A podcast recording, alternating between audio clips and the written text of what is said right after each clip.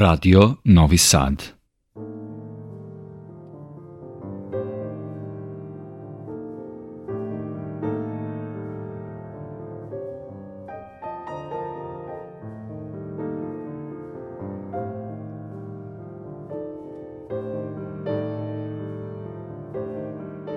Dobroveče poštovani slušalci, vi pratite još jedno izdanje emisije Vox Humana, sa nama je do ponoći kompozitorka i profesor u Srednjoj muzičkoj školi Sidor Bajić, Jasmina Mitrušić. Njen bogati muzički opus i prisustvo na muzičkoj sceni, kako domaći, tako internacionalni, dug više decenija, veliki je razlog i sasvim dovoljan da sa njom porazgovaramo o njenom radu i o planovima za budućnost.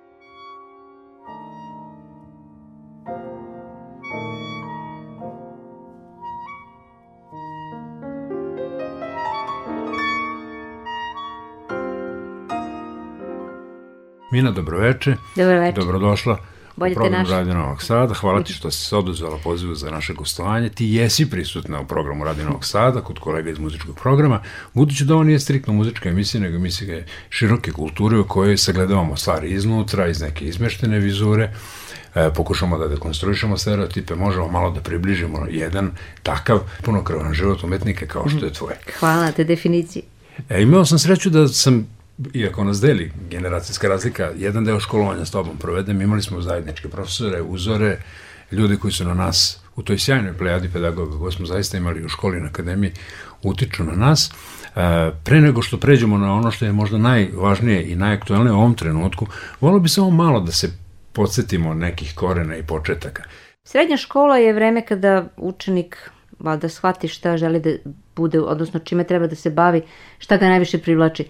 E, s obzirom da sam završila srednju muzičku, samo, znači, bavljanje muzikom kroz nižu i srednju je na neki način mene odredilo, ali ja nisam imala osnovnu nameru da se bavim time, zato što me privlačila likovna umetnost i privlačila me i medicina na kraju krajeva, ali e, profesor Slavko Šuklar koji mi je predavao harmoniju e, mi je prosto izvukao kompozicije za prijemni i rekao ti ideš na kompoziciju i prosto tako, eto, iz radoznalosti zapravo sam konkurisala i primili su me kod profesor Dušan Radić me primio a, i to je, kako da kažem, trenutak kada čovek odluči nešto i ono mu skrene život, ode u tom pravcu.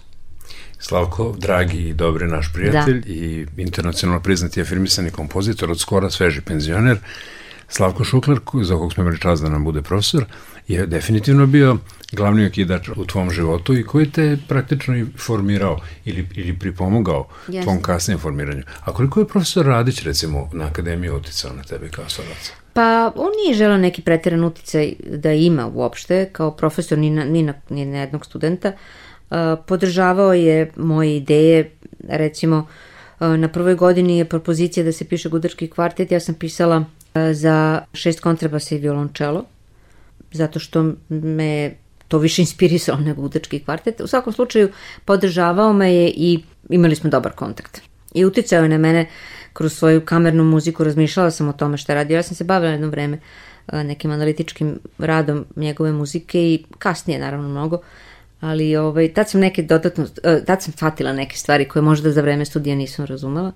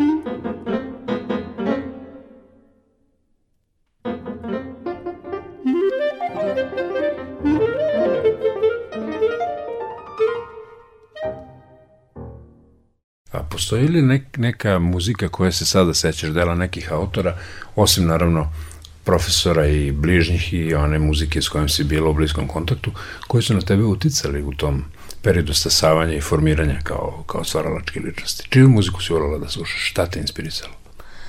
Pa, Bole, moram da te razočaram. Ja sam od uvek imala mišljenje da ne volim da slušam muziku. E, zapravo, kao dete sam prezirala svu, jer prosto niko, nisam kim se nisam družila zbog toga što nisam mogla da slušam tada početke zabavne muzike, početke neke tako, jednostavno nisam komunicirala sa tim. E, ako bih izvojila jednu e, muzičku ličnost iz istorije, pomenut ću Baha, jer ja sam muziku zapravo shvatila u jednoj maloj prostoriji baletske škole sa uh, pijaninom u kojoj sam bila zatvorena i tu sam vežbala, soba je cijela bila izolovana zvučno i ja sam tada zapravo shvatila razliku između recimo etida, černija ovo, i, i muzike koja nosi duha u sebi. Nosi, nosi uh, sadržaj koji, koji me privlači. I tu sam zapravo prelomila uh, E, da me interesuje da sviram klavir, ali naravno kasnije sam to htjela da odustanem od svega toga, pošto nisam bila zadovoljna svojim prstima, nisam mogla da postignem ono što čujem i onda prosto nisam imala volje. Ali onda je došla srednja škola i ovaj profesor koji da sada ne, ne, ne idem u detalje, nije ni bitno šta je prepoznao, uglavnom, ajde, aj ti ovo, aj ti ono, i onda ja tako donesem njemu, ja, da, super, vidi ovo i tako. Prosto nekako prirodno je to sve se nastavilo na akademiji. Kažu da je to pravo kad tako spontano krene. Pa. Ali ti si imala jedan zavidan nivo instrumenta pri upisivanju već u, u školu. Pa išla sam paralelno u srednju, da. odnosno u, na instrumentalni ocek i na teoretski ocek. Što ti naravno kasnije jako dobro došlo. Pa došlo mi je za, kao iskustvo za pisanje klavirske muzike. Ali za klavirsku muziku ja sam učila od mojih od moje učenice Nataše Penezić, ona me, da kažem, izdriblovala kako se piše za klavir. Dobro, Nataša je poznata po tome da može da odsvira verovatno i nesvirljive. Da, ali momente. i ne.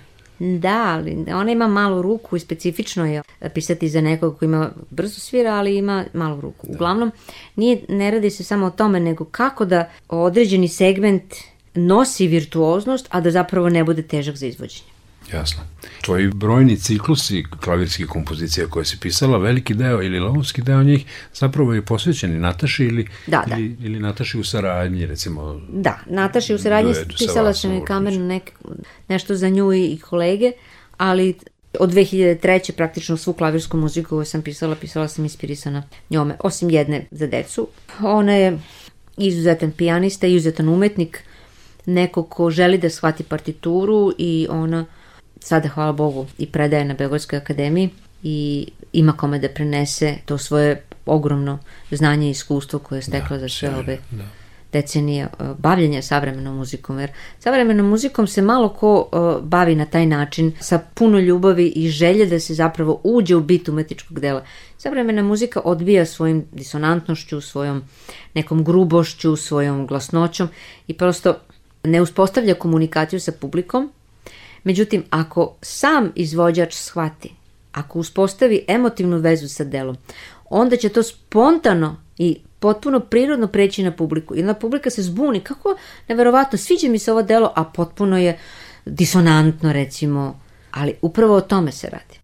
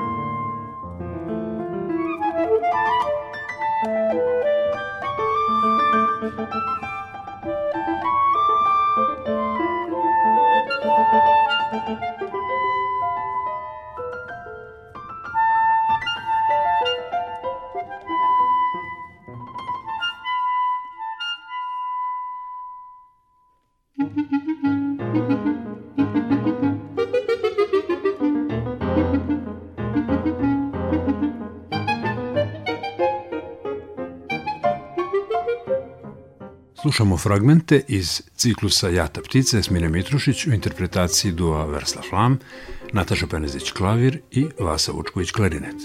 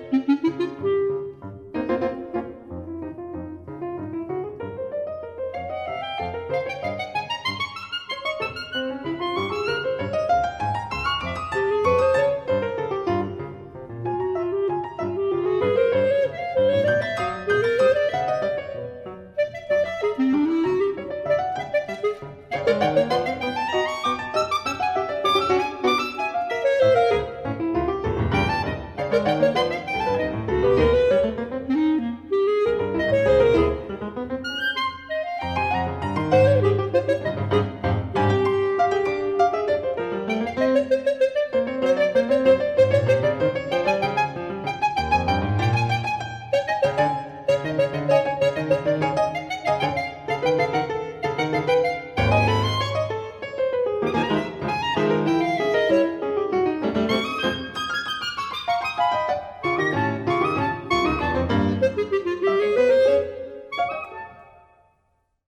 Interesantno je, našao sam negde podatak, možda u nekoj programskoj afiši ili bukletu CD-a, da za Natašu baš piše da održava kontakt sa živućim kompozitorima u bliskoj vezi na, i naručbine praktično, pravi e, kompozicija koja izvodi Gde si ti, na prvom mestu Sofija Gobajdulina, Rževski, s njim je u bliskom kontaktu još neka plejada drugih. Da, da, ona je vrlo aktivna. I to je zaista fascinantno, jer za takav uh, profesionalni uh, rad treba zaista ogromna energija, ali evo, Ona je stvarno to uradila, herojski koncerte i buleze svirala, izuzetno teška dela. A sada, eto, sad se posvećuje to pedagoškom radu u ovom narednom periodu. Sada je zrela. Da, da apsolutno je zrela. Naravno, ona ima mnoge, mnoge planove za budućnost, znači svet je pred njom.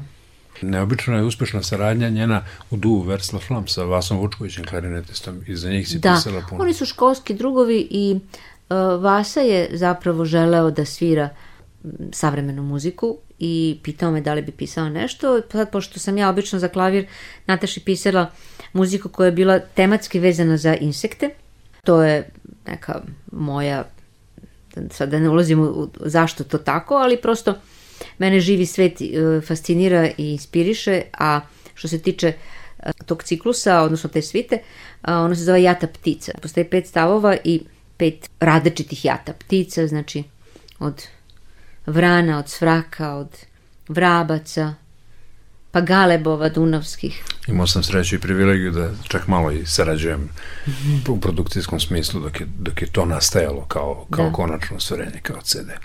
Dakle, osim nekih pokojnih, davnih ljudi, ovaj, čiju si muziku mogla da slušaš i slušala se sigurno, ako ništa drugo, zbog istorije muzike i obaveza na akademiji, A, da, da. praktično se više nadahnjivala kontaktom sa živim ljudima i...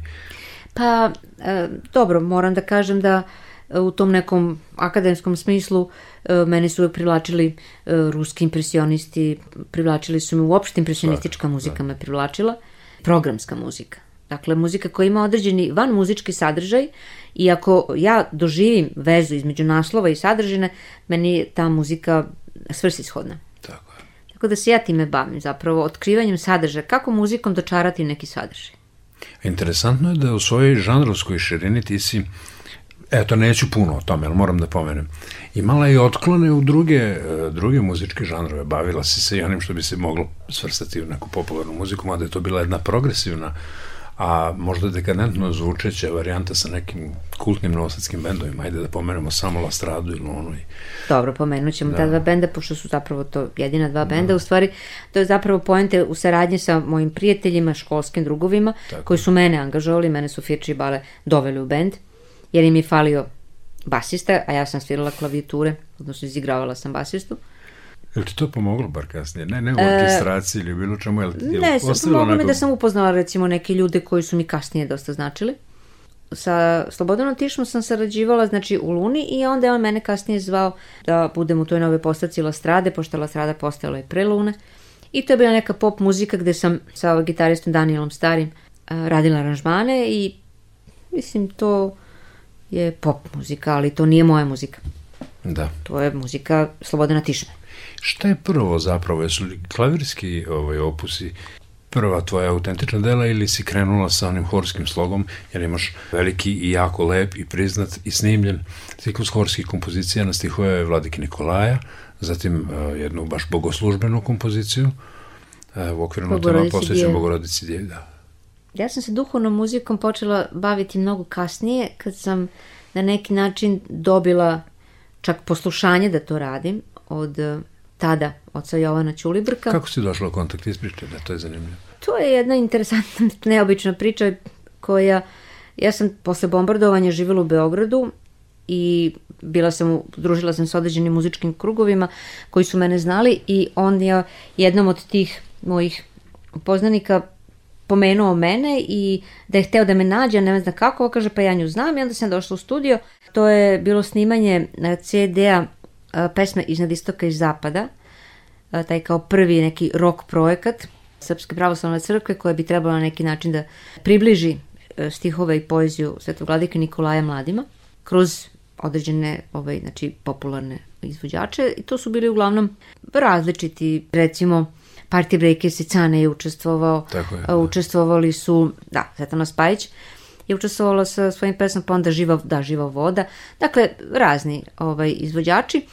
I on je mene doveo u studio i upoznali smo se i rekao, on zna moj glas i tako ispričao mi kako on taj slušao tu, on je, mi smo vršnjaci, Ove, on je slušao tu uh, muziku i taj glas moj mu se dopao i hteo da me nađe, odnosno da učestvujem u ovom projektu sa tim glasom.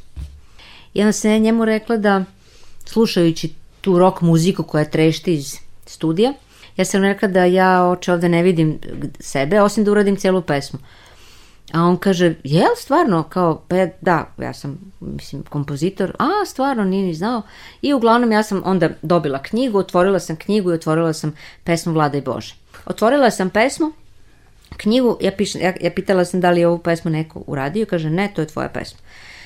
Ta pesma je nastala, ja sam je kompletno snimila u svojoj produkciji u studiju, u privatnom jednom studiju koji je posle znači od 2000. bio osnovan tu u Novom Sadu. Ja sam tada nešto u tom studiju pomagala kao producent.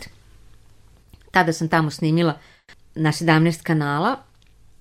Uradila sam i produkciju, znači sve što je bilo potrebno odnela u studio i tamo sam onda nasnimila vokale i još neke instrumente i to je pesma na tom CD-u Vlade Bože.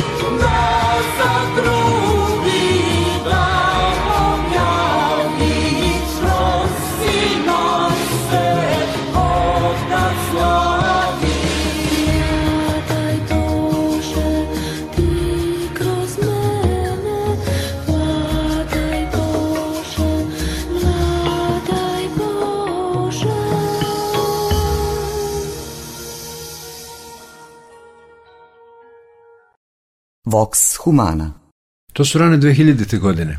Da. A da ne zaboravimo da je tek 2003. praktično Vladika Nikola zvanično rehabilitovan i da su, da su njegovi zemlji ostaci preneti u Lelić iz, Eto. iz Pensilvanije. Možda baš i tim povodom je ovaj CD. Ni, ne znam, zaista. To je žanar kojim ću se tek baviti. E, to je lepo. Da. to je lepo ako znaš da te nešto čeka i Da, da, pripremam se za to. Radila sam još razne, da, mislim, razne aranžmane. Ajde malo nešto da kažemo o, o kamernom opusu koji je i bogat i raznolik i raznovrstan. I tu sam imao sreću da sarađujemo na nekom projektu koji, nažalost, još uvijek nije zaživeo. To snimak postoji, ali CD nije objavljen. Reč je o triju, kvartetu i kvintetu. Duvačkom. Da.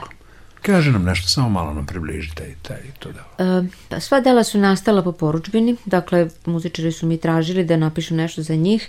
Trio je a, naručila Radmila Rakin Martinović koja je tada bila u posjedu alt flaute, ja sam napisala znači trio za alt flautu i dve ove flautinice. Duvački kvartet je nastao isto po naručbini, to je za neki koncert bio koji su oni želeli da rade i ja sam napisala kompoziciju, znači ima taj duvački kvartet, isto po naružbi, duvački, gudački kvintet, odnosno gudački kvintet je gudački kvartet sa flautom, e njega je naručila uh, Sonja Antunić i uh, sekstet pod imenom Stidljiva lokna, uh, koji je posvećen uh, jednom specifičnom tematski posvećen trenutku u životu pre nego što sam se rodila, u stvari susrete moje majke, moje pokojne majke pokojnog oca, koju sam puno puta slušala i koja mi uvek uzvanjala u detinjstvu, ovaj, pošto ona govorila da se to sve dešava u tramvaju i meni to, ovaj, stalno sam imala neku muziku kao dete, nisam ni toga ni bila svesna, naravno, ali to je, i onda kada mi je naručila, to, setila sam se toga i rekla, e, ako hoćeš mogu da ti pišem, to je, ajde. Tako da je i to, taj sekstet, međutim, objavljivanje CD-a nosi određene organizacione komplikacije koje ja e, ne volim da radim u životu i prosto puštam da stvari prolaze Nažalost, e, trebalo bi da imaš nekog, nekog menadžera, nekog e ko pa će da, brinuti o tome. e pa to da, pa da.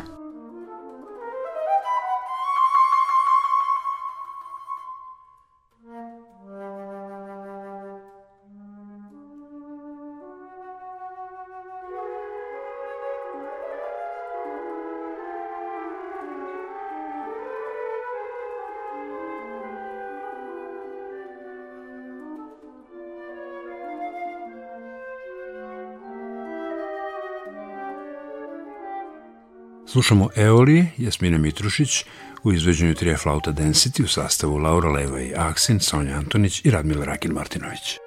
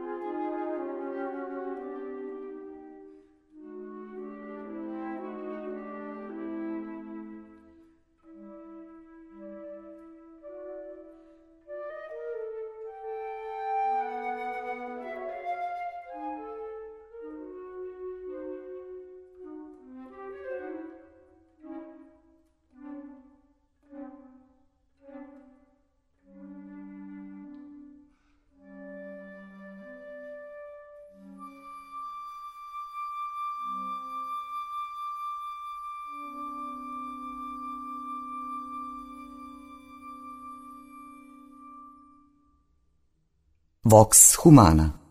Ajde da kad već govorimo o stvaralaštvu se osvrnemo samo još i na trenutak da si se oduvek odazivala svim pozivima uvek si sa punim srcem praktično ulazila u sva iskušenja, imaš uh, u svom opusu uh, i nekoliko solo pesama. Imaš, uh, učestvovala si na različitim projektima, međunarodnim saradnje, prihvatala si naročbine i tako dalje. Ono što te sada trenutno najviše intrigira i zaokuplja je jedan veliki i zanimljiv projekat Reč je o Cross Operi, to je evropski projekat, Kulturna Evropa je naime nosilac projekta, u kom si ti odabrana kao jedna od troje autora. Zajednički projekat, Omnibus, praktično svako po jedan čin. Tako. Svaki autor piše na svom materinjem jeziku operu. Tako je sa kamernim uh, Jeste, ali postoji sastavom. i narator koji na jeziku publike uh, prepričava priču. Uh mhm. -huh.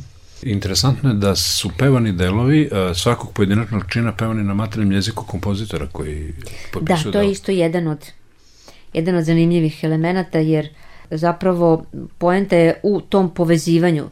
Ti ćeš ti kao muzikolog to bolje znati uh, da je, ali setila sam se sad kako je direktor um, opera u Lincu komentarisao na početku o naše saradnje, kako je zapravo opera u 18. veku, 19. veku ujedinila Evropu. Jer kaže da je nemački libretista je otišao u Italiju da bi napravio francusku operu. Da, transkulturalnost. Transkulturalnost. Da, da. E, i njihova ideja je zapravo da se napravi, znači da se počne konačno nova transkulturalnost, tako da je u tom smislu ovaj projekat pionirski jeste pionirski, nada sve je zanimljiv, ali a, e, nameće se, eto, laičko pitanje, šta je ta ideja vodilja koja tematski uokviruje ceo projekat, da to ne budu tri apartna zasebna dela koji nemaju veze jedan s drugim, ne daj Bože da su i karakterno kontrastni. Šta je to zapravo što, e, šta ta nit koja povezuje, da li postoji neka tema? Postoje tri ključne reči i, e, dakle, otherness, odnosno prevedeno srpski kao drugost, uh, discovery, dakle otkriće i fear, strah koji je mene najviše zapravo privukao kao tema. Strah za sobstveni život, strah za egzistenciju, strah koji e, je jednostavno duboko ukorenjen u ljudima koji nemaju više ni svoju ne znaju više ni kuda idu, ni zašto, šta se sve desilo, šta se dešava, potpuno neizvesnost o njihovim životima. Normalno da će da im tako nešto uh, ovaj, predstavlja veliki problem, ali poenta je da se stvari zapravo koje jesu tragične u životu u ovom smislu shvate kao novo mogućnost, znači prilika da se u novom okruženju, na novom mestu ostvari život. Druge dve opere, dakle nemački kompozitor i italijanski, imaju potpuno drugačiju tematiku. Nisam upoznata sa njihovim, sa detaljima njihovog libreta, bit ću uskoro. Imali neki sastanak, jeste se videli? Neki da, da, ali to, tek, tek sad su partiture završene, tek sad ću imati uvid u to. Mislim da uh, nisam sigurna da li su njihove partiture već stigle ovaj, u pozorište. Koliko znam, Italijan pisao bufo operu. Uh, I da je sadržaj vrlo čak i politički. Ima li veze to sa tom migrantskom krizom i sukobom interkulturološkim pa integracijama? Pa sve se to, svi, svi su dotakli na neki način, sve tri, da. E, kako da kažem, e, kulturološku i civilizacijsku neku realnost našu. Tako recimo, je, da. pa svako na neki način. Ja sam te pitao kad si, kad si mi jednom ovom poslanu rekla šta pišeš, čime se baš, ja sam odmah pitao imaš ljubavni zaplet. Imam ljubavni zaplet, da. Mislim, kao ženski kompozitor uh, koji razmišlja na jedan tradicionalan način, ne mislim na eksplicitno tonalan, nego na tradicionalan način, da, da je opera opera, jer uh, zapravo kod opere je reč ta koja je bitna. Muzika je samo dočarava, muzika je nosi, ona je umata tekst. Tako da sam se trudila da moja muzika bude to, a uh, sticajem po mene srećnih okolnosti nije postojao neki libretista koji se nametnuo, tako da sam ja napisala i libreto koji se uh, njima u Briselu dopao, pa to je tekst koji je više filozofski, on je apolitičan, uh, on je duboko ljudski, znači ja se nisam, ja sam se trudila da dotaknem da te tri ključne reči, znači shvatim kroz određene, eh, kroz određene misli, kroz određene radnje u toj polusatnoj jednačinoj operi. Eh, dakle, imamo šest likova Svi imamo šest glumaca, šest pevača. Po dvoje iz svakog Po, centra. po dvoje iz svak, znači svaka država daje ravnopravno muzičare. I, i po četiri instrumentaliste. valjda, Tako je, da. Po dva pevača i znači ukupno je 18 ljudi, izvođača na sceni. A dirigenti su različiti. Ne, naši dirigenti. M- Mikica, Uh Jeftić. tako je. Jako sam srećna što sam imala priliku da uh, učestvujem u ovakvom projektu, jer um, opersko stvaralaštvo zapravo zahteva od umetnika kompletnu ličnost. Upravo to sam teo da kažem. Kompletnu ličnost, izuzetno je kompleksno, podrazumeva različite stilske odrednice i podžanrovsko određenje, poznavanje istih. A, velika je hrabrost u današnje vreme pisati operu, budući da je ovo scensko izveđenje, ovo nije koncertno izveđenje. Tu će i režijski izazov biti a, Da, na probi. Reditelj je Nemac. Ja sam predložila što su oni, mislim, prihvatili da će biti taj neki video bim i da taj završni deo opere, da se scena zapravo e, abstrahuje.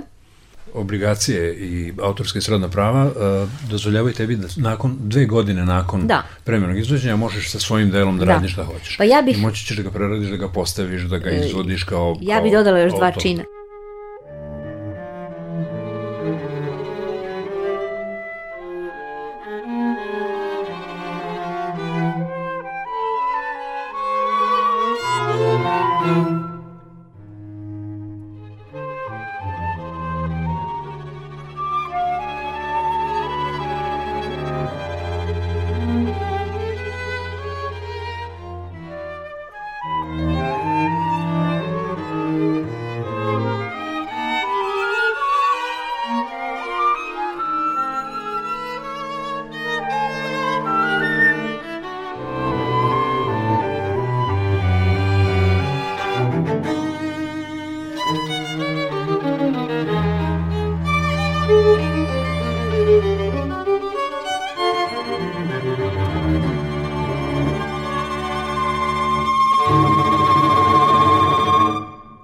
Jasmina Mitrošić, Pentafonium.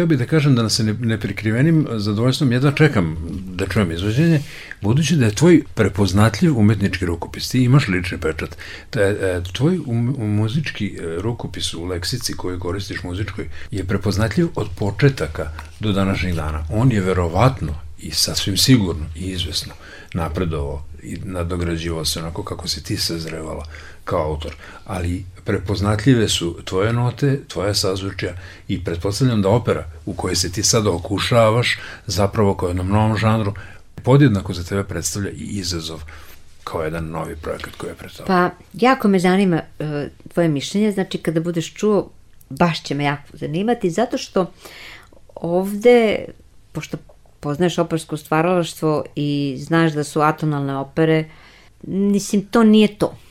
To Da, nije kad taj kažemo sadržaj. opera, mislimo na gvozdeni repertoar, na E, belkanto i tako. Ne, ali kada, da, ali kada si ti govorio o, o tom mom rukopisu, Jeste. on je drugačiji ovde. Zato što ja sam morala da opustim tonalnosti da omekša neke scene, da ne može se neke emocije iskazati disonancom, kao što se neke emocije ne mogu iskazati konsonancom. Ali u kompromisu i dalje si ostala dosledna. Nisi potpuno promenila filozofiju. Ne, ne, ne, ne, ne, potpuno, ne, ne. Ovo, ali ja verujem da će tebi biti simpatično zbog toga što ćeš ti prepoznati ono što znaš, ali istovremeno ćeš videti kako to Novum, da, da. Da, kako to funkcioniše, kako ja tonalno razmišljam. Mnogo sam se radovala kad sam to radila i uh, sad jedva čekam, eto, probe počinju u aprilu, pa ćemo vidjeti kako će to. Jako je inspirativno. Da, jako. tri premijere, prvo Modena, pa Linz, pa Novi Sad. A tim radosladom. je. Da. Lepo. To je super zato što je naša postavljanja pa će se fino navežbati. Tako je, da, da.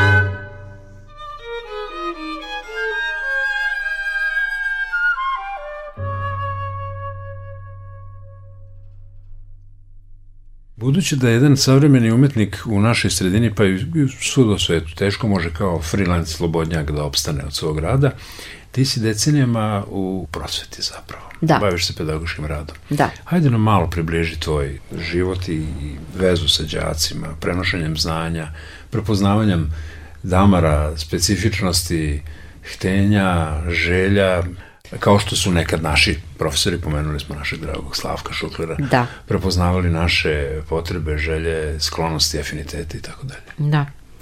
Za mene je pedagoški rad jedan drugi život. Godinama radim, godinama razmišljam o tome i stalno pokušavam da okučim zapravo uh, na koji način pokazati nekome kakav je on zapravo. Jer uh, ono čemu ja zapravo stalno insistiram i zbog čega me učenici baš, kako da kažem, spada među strožije zato što insistiram na znanju. Jer oni ne mogu da shvate, ne mogu da povežu kada nemaju šta da povežu. Dakle, ne mogu da shvate nešto ako nemaju čvrsto postavljene informacije, dakle, koje se stiču godinama. Nažalost, često u srednjoj školi se desi da dođu deca koje su to se pozaboravljali, nikad nisu dobro ni znala i onda oni se nađu u čudu sa predmetom koji podrazumeva njihovo Da, da, predznanje. nemaju svi podjednako predznanje. E, to je veliki problem. E sad, onda, pošto nemaju ni bitno, aj sad da steknemo. E onda, to su moje tantolove muke da ih stalno vraćam na staro gradivo. Znači, to je prosto od niže muzičke moraju da se postave ponovo neke stvari. Ali, ono što je lepo zapravo da osjećam zahvalnost kod brojnih učenika koji, kojima je to nedostajalo u stvari. Oni su osjećali da su zbunjeni, nisu znali zašto. Šta sad to njima? E sad kad im neko kaže da treba da znaju i da treba da sve pamte da bi im se desio taj moment, aha, da shvate jednu stvar, da bi shvatili drugu, pa treću i na kraju formiraju muzičku svest. To je predivna satisfakcija zapravo. Jeste. Jeste, mada e, je teško, zato što neobično je da su ove nove generacije opuštenije, manje znaju. Manje znaju. A čemu streme, koja kakva muzika njih? Da li se to što može globalizovati? Da li se može neki normativ povući? Šta njih privlači? Jako je to teška tema za mene, jer... Suviše je šareno i heterogeno. Ne zato, nego zato što ja imam averziju prema primitivnoj muzici. I mnogi ne vole tu definiciju, ja prosto se izvinjavam. Ali ona nas okružuje. Ona nas Ne, ne, okružuje, naša dakle to je muzika, mi je zovemo muzikom jer nemamo drugi, drugo ime, redukovana, redukovani su svi elementi muzike, nema ni melodije, nema ni harmonije, ima samo ritam. A ritam znamo da je bazičan, elementaran, mi imamo ritam u sebi, to u redu, ali zar je muzika postala samo ritual, postala je samo pozadina. Dakle, oslobođena je od smisla, to je obesmišljena muzika.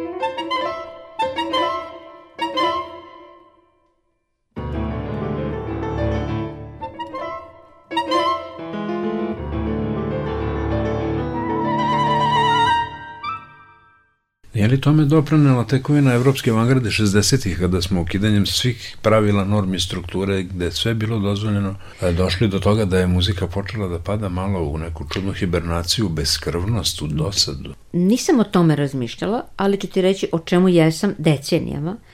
O tome da prisustvujem tragediji da je kafana 70-ih počela da ulazi u naše domove preko televizije, preko izuzetno zastrašujuće ružne kafanske muzike, poreklom sa dalekog istoka, dekadentna. To me je užasavalo i to je ono o čemu sam, o čemu decenijama razmišljam i to je ono što u školi sprovodim. Kad čujem tako nešto da neko, ja se uvek zaustavim i probam da razložno obrazložim Tako je, da razumijem. pojedincu da, da. zašto to nije dobro.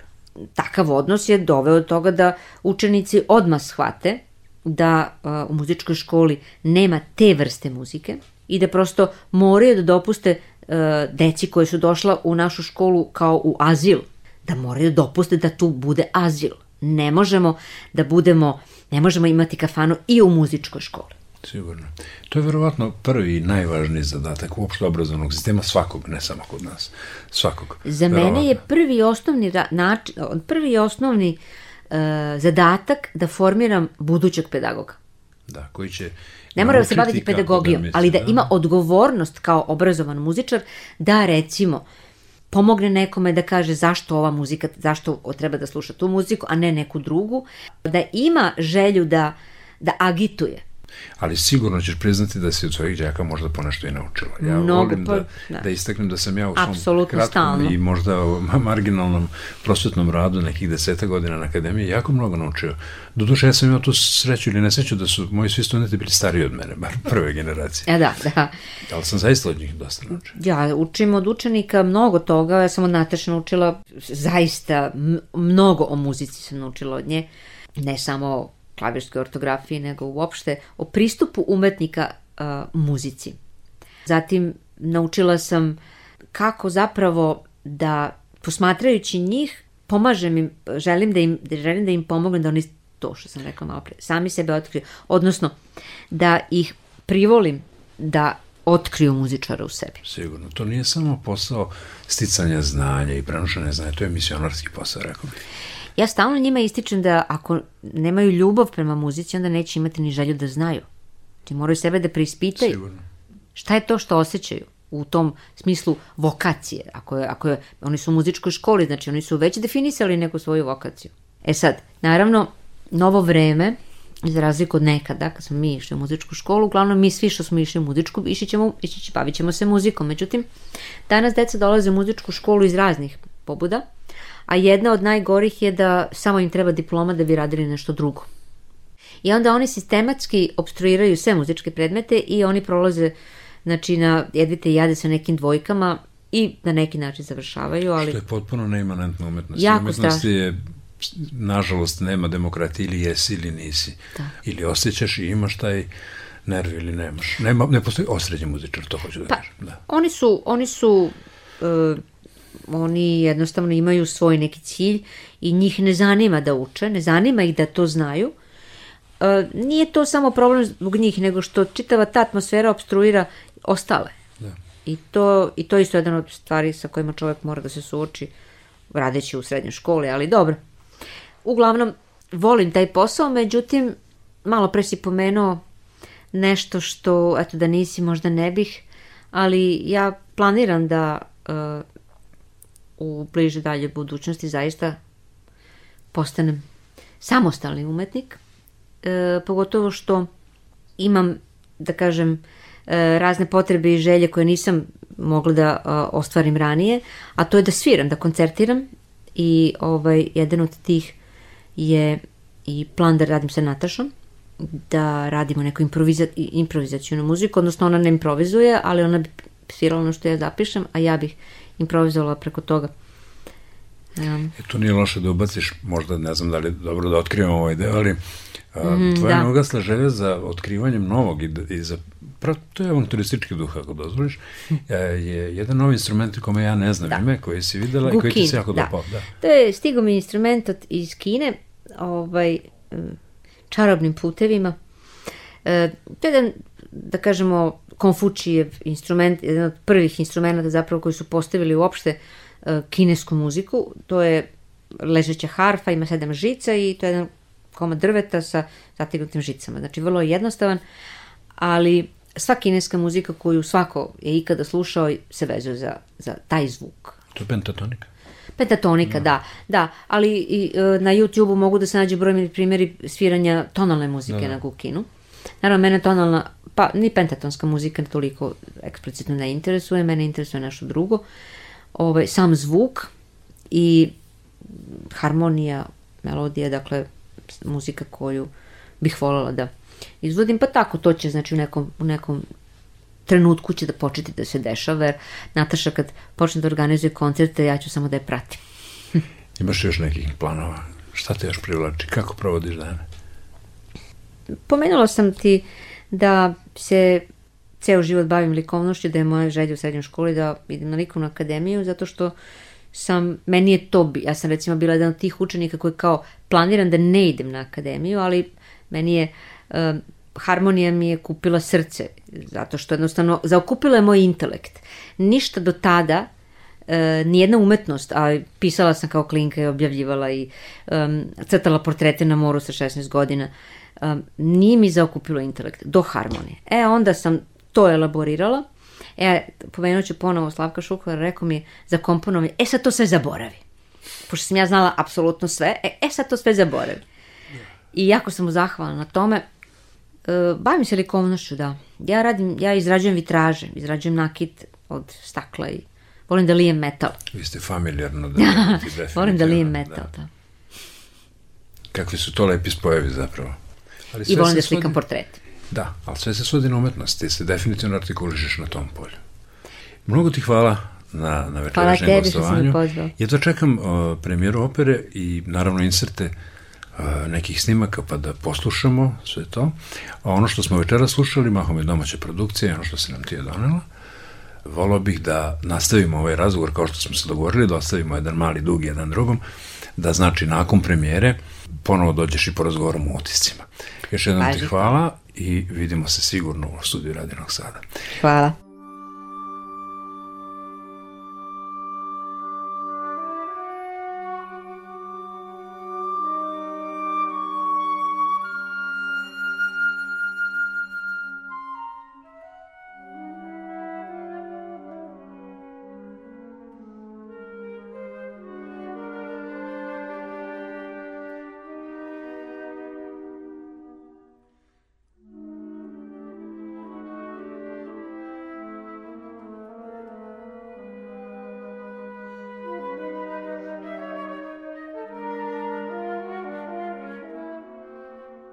Poštovani slušalci, u proteklim minutima naša gošća bila je Jasmina Mitrušić, kompozitor. Razgovarali smo o savremenoj muzici, o doživlju savremene muzike, o pisanju, o komponovanju u savremenom aktualnom istorijskom trenutku i mogućnosti života od iste te napisane muzike, kao i o njenim planovima i onima čime se trenutno bavi.